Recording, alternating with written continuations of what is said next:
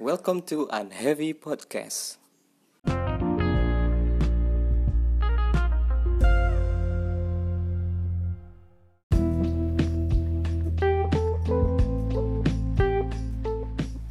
Eh, sebelumnya disclaimer dulu ya. Apa yang aku katakan ini ini cuman hanya saran dan solusi, tapi itu nggak absolut gitu.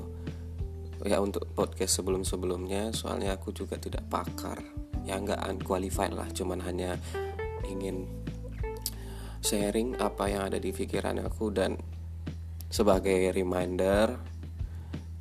Jadi ya itulah sebenarnya tujuan podcast ini. Gimana sekarang? Tanggal 23 Mei puasanya masih lancar apa? Udah ada yang bolong dalam satu bulan ini ya mudah-mudahan lah masih full. Besok juga udah mulai lebaran kan. Ya kali ini topik yang bakalan aku bahas ya berterka, ber, berketerkaitan dengan lebaran. Oh ya sebelumnya juga sorry ntar kalau ada suara ayam angsa burung seperti biasa kita rekamannya lagi di luar. Balik lagi lebaran. Lebaran kan konteksnya tuh biasanya memaafkan ya uh, sungkeman gitu dari situ aku ngambil topiknya tentang memaafkan atau maaf lahir batin lah gitu. Memaafkan ini ya kayak kita let go dari sebuah kesalahan orang yang diperbuat kepada kita atau terbalik ya ya sebaik eh, sebaliknya juga. Tapi di sini aku ada cerita dulu sebelum memulai ke intinya. Kita sebut saja nama temanku ini Budi. Kebetulan ini ceritanya cerita real. Jadi si Budi ini ya lumayan lah sekarang umurnya sekarang udah 25an dia cerita tentang gimana sih eh, gimana, eh, gimana dia memaafkan masa lalunya dan eh, dari memaafkan ini dia mendapatkan benefit yang banyak gitu. Benefit yang sangat bagus lah. Dulunya ini si Budi ini lahir di keluarga yang ya biasalah sering papa mamanya sering berantem. Terus papahnya lebih verbal abusive terus physical abusive sama mamanya terus cepat pensiun. Jadi apa-apa yang dikerjain untuk menompang keluarganya ini ya si Budi kebetulan si Budi anak yang pertama. Karena karena terjadi seperti itu papa mamanya cerai gitu. Papa mamanya cerai dia ngikut sama mamanya sekalian ngurusin tiga adiknya di saat itu ketika dia masih ya sekolah menengah atas jadi situ marah sama papa sama mamanya sebenarnya. Kok bisa sih? Ini terjadi ke keluarga aku kenapa orang tua aku seperti itu?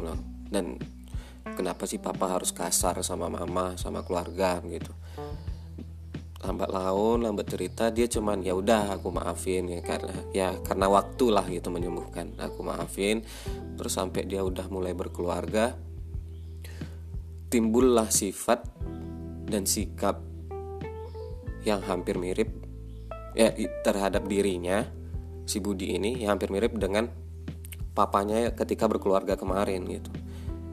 Dia bertanya-tanya kok bisa seperti ini? Aku hampir mirip sama papa gitu kenapa ya gitu? Oh rupanya dia masih belum memaafkan sepenuhnya. Cuman uh, ya udah aku maafin aja papa. Tapi belum dari hati belum dari batinnya belum dari lahirnya. Dia berpikir seperti itu. Jadi dia ngambil tindakannya tuh pergi menyendiri memang benar-benar memaafin masa lalunya supaya tidak terjadi kepada anak-anaknya. Nah di sini aku aku dapat poinnya dari si Budi ini berarti uh, memaafkan nih kayak roda gitu ada sirkulasinya gitu. Kalau misalnya itu kan dari cerita Budi coba dari cerita lain ya maksudnya kalau misalnya ada orang kalau nggak kita diri kita sendiri difitnah gitu. Tadi fitnah di dalam pekerjaan di dalam lingkungan e, pertemanan kita difitnah oleh tem, e, partner kerja kita terus kita ya otomatis pertama sakit hati. Sakit hati marah. Tapi ya udah aku maafin kamu aja gitu. Tapi nggak usah ketemu sama aku lagi gitu. Pikirnya eh, ngomongnya kayak gitu kan. Lambat laun lambat laun lambat laun. Setelah itu terserah setelah selesai masalah itu pasti ntar sesuatu suatu hal terjadi itu tentang fitnah juga. Entah kita sendiri yang melakukan fitnah terhadap orang lain atau kita bakalan difitnah kembali. Atau mungkin orang di dalam circle kita bakalan uh, difitnah juga gitu. Sama juga kayak kita diselingkuhi atau menyelingkuhi. Hampir mirip sama. Jadi menurut aku si Budi melakukan tindakan memutuskan roda itu jadi dia pengen keluar dari roda itu dan membuat uh, ya pokoknya keluar lah gitu. Nggak mau aku melakukan hal yang sama atau diperlakukan hal yang sama. Dengan cara apa? Dengan cara totali memaafkan. Jadi menurut aku ada tiga sih jenis-jenis memaafkan ini. Nanti ya yang dari Budi ini uh, ada lah istilahnya tuh. Jadi yang pertama tuh kayak cuman ya udah ada orang bersalah sama kita terus nyakitin ya ya aku maafin. Terus nggak mau ketemu besok gitu. Terus yang kedua ya udah aku maafin juga. Ya mau sih ketemu gitu. Uh, tapi masih ada rasa kesalnya dikit.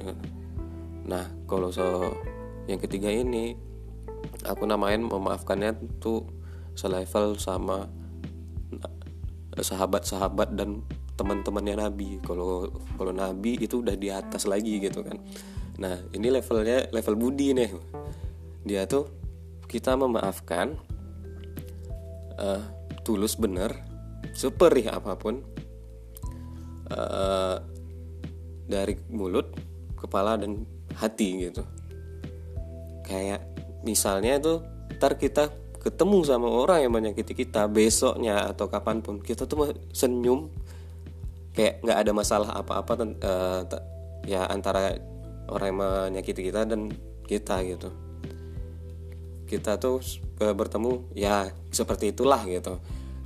Uh, aku memaafin kamu kamu berubah ya kalau tidak ya sudah tidak apa-apa seperti itu. Ini nih berterkaitan sama ada kata-kata yang lumayan ngetren tahun 2019-2020 yaitu berdamai dengan diri sendiri. Aku juga belum tahu sih beberapa waktu yang lalu maknanya ini ya makna sebenar-benar maknanya apa tapi akhirnya aku juga udah mengerti berdamai dengan diri sendiri ini pasti berdamai juga dengan masa lalu kan? Ya dengan cara apa? Ya dengan cara memaafkan level nabi-nabi tadi dong apalagi gitu kalau cuman hanya oh aku kayak gini orangnya gitu. Terus kalian harus terima atau aku udah maafin diri aku dulu kok tapi masih ada rasa benci atau rasa trauma atau rasa kesal gitu. Itu menurut aku masih sebelum sepenuhnya. Kenapa dibilang seperti itu? Jadi ntar kayak dari sisi sisi potensi di diri kita kalau belum kita maafin kayak bunga tertutup belum kebuka belum blooming gitu. Kalau misalnya kita udah letting go atau memaafkan sepertinya itu bakalan glow. Kalau kalau lampu tuh glowing ya. Kalau wajah tuh glowing bagi cuy. Kalau uh, dipakai skincare lama-lama gitu. Bukan lama-lama pakai skin, skincare bagus gitu. Dengan skincare bagusnya apa gitu. Kayak letting, letting go memaafkan memaafkan memaafkan dan mengikhlaskan. Bener sulit men sulit banget. Ya aku di sini bukan ngasih tahu gitu ya ngasih tahu ke diriku sih. Itu memang butuh waktu butuh bahwa butuh sadar bahwa ada beberapa hal yang kita kontrol kita bisa kontrol atau uh, dan yang tidak bisa kita kontrol gitu. Itu separuhnya tuh ada urusan sama semesta. Urusan semesta itu yang uh, kita tidak kontrol. Dengan cara apa ya?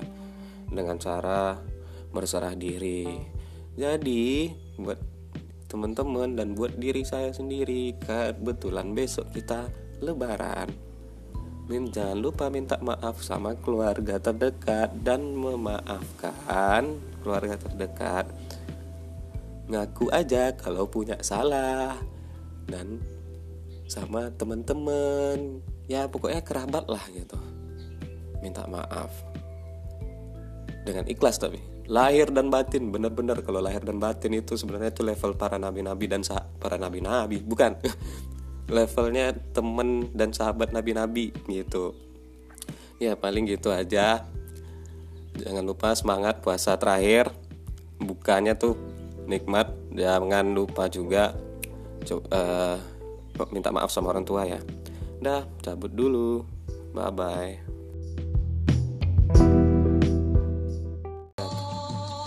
jaga jarak social distancing. Gara-gara si covid-19 Tak apa tak dapat THR Janganlah pusing. Yang penting Mohon maaf lahir batin. Saya Muhammad Wildan Solihin SCSP SM Mengucapkan Minal Aidin wal Faizin Mohon maaf lahir dan batin.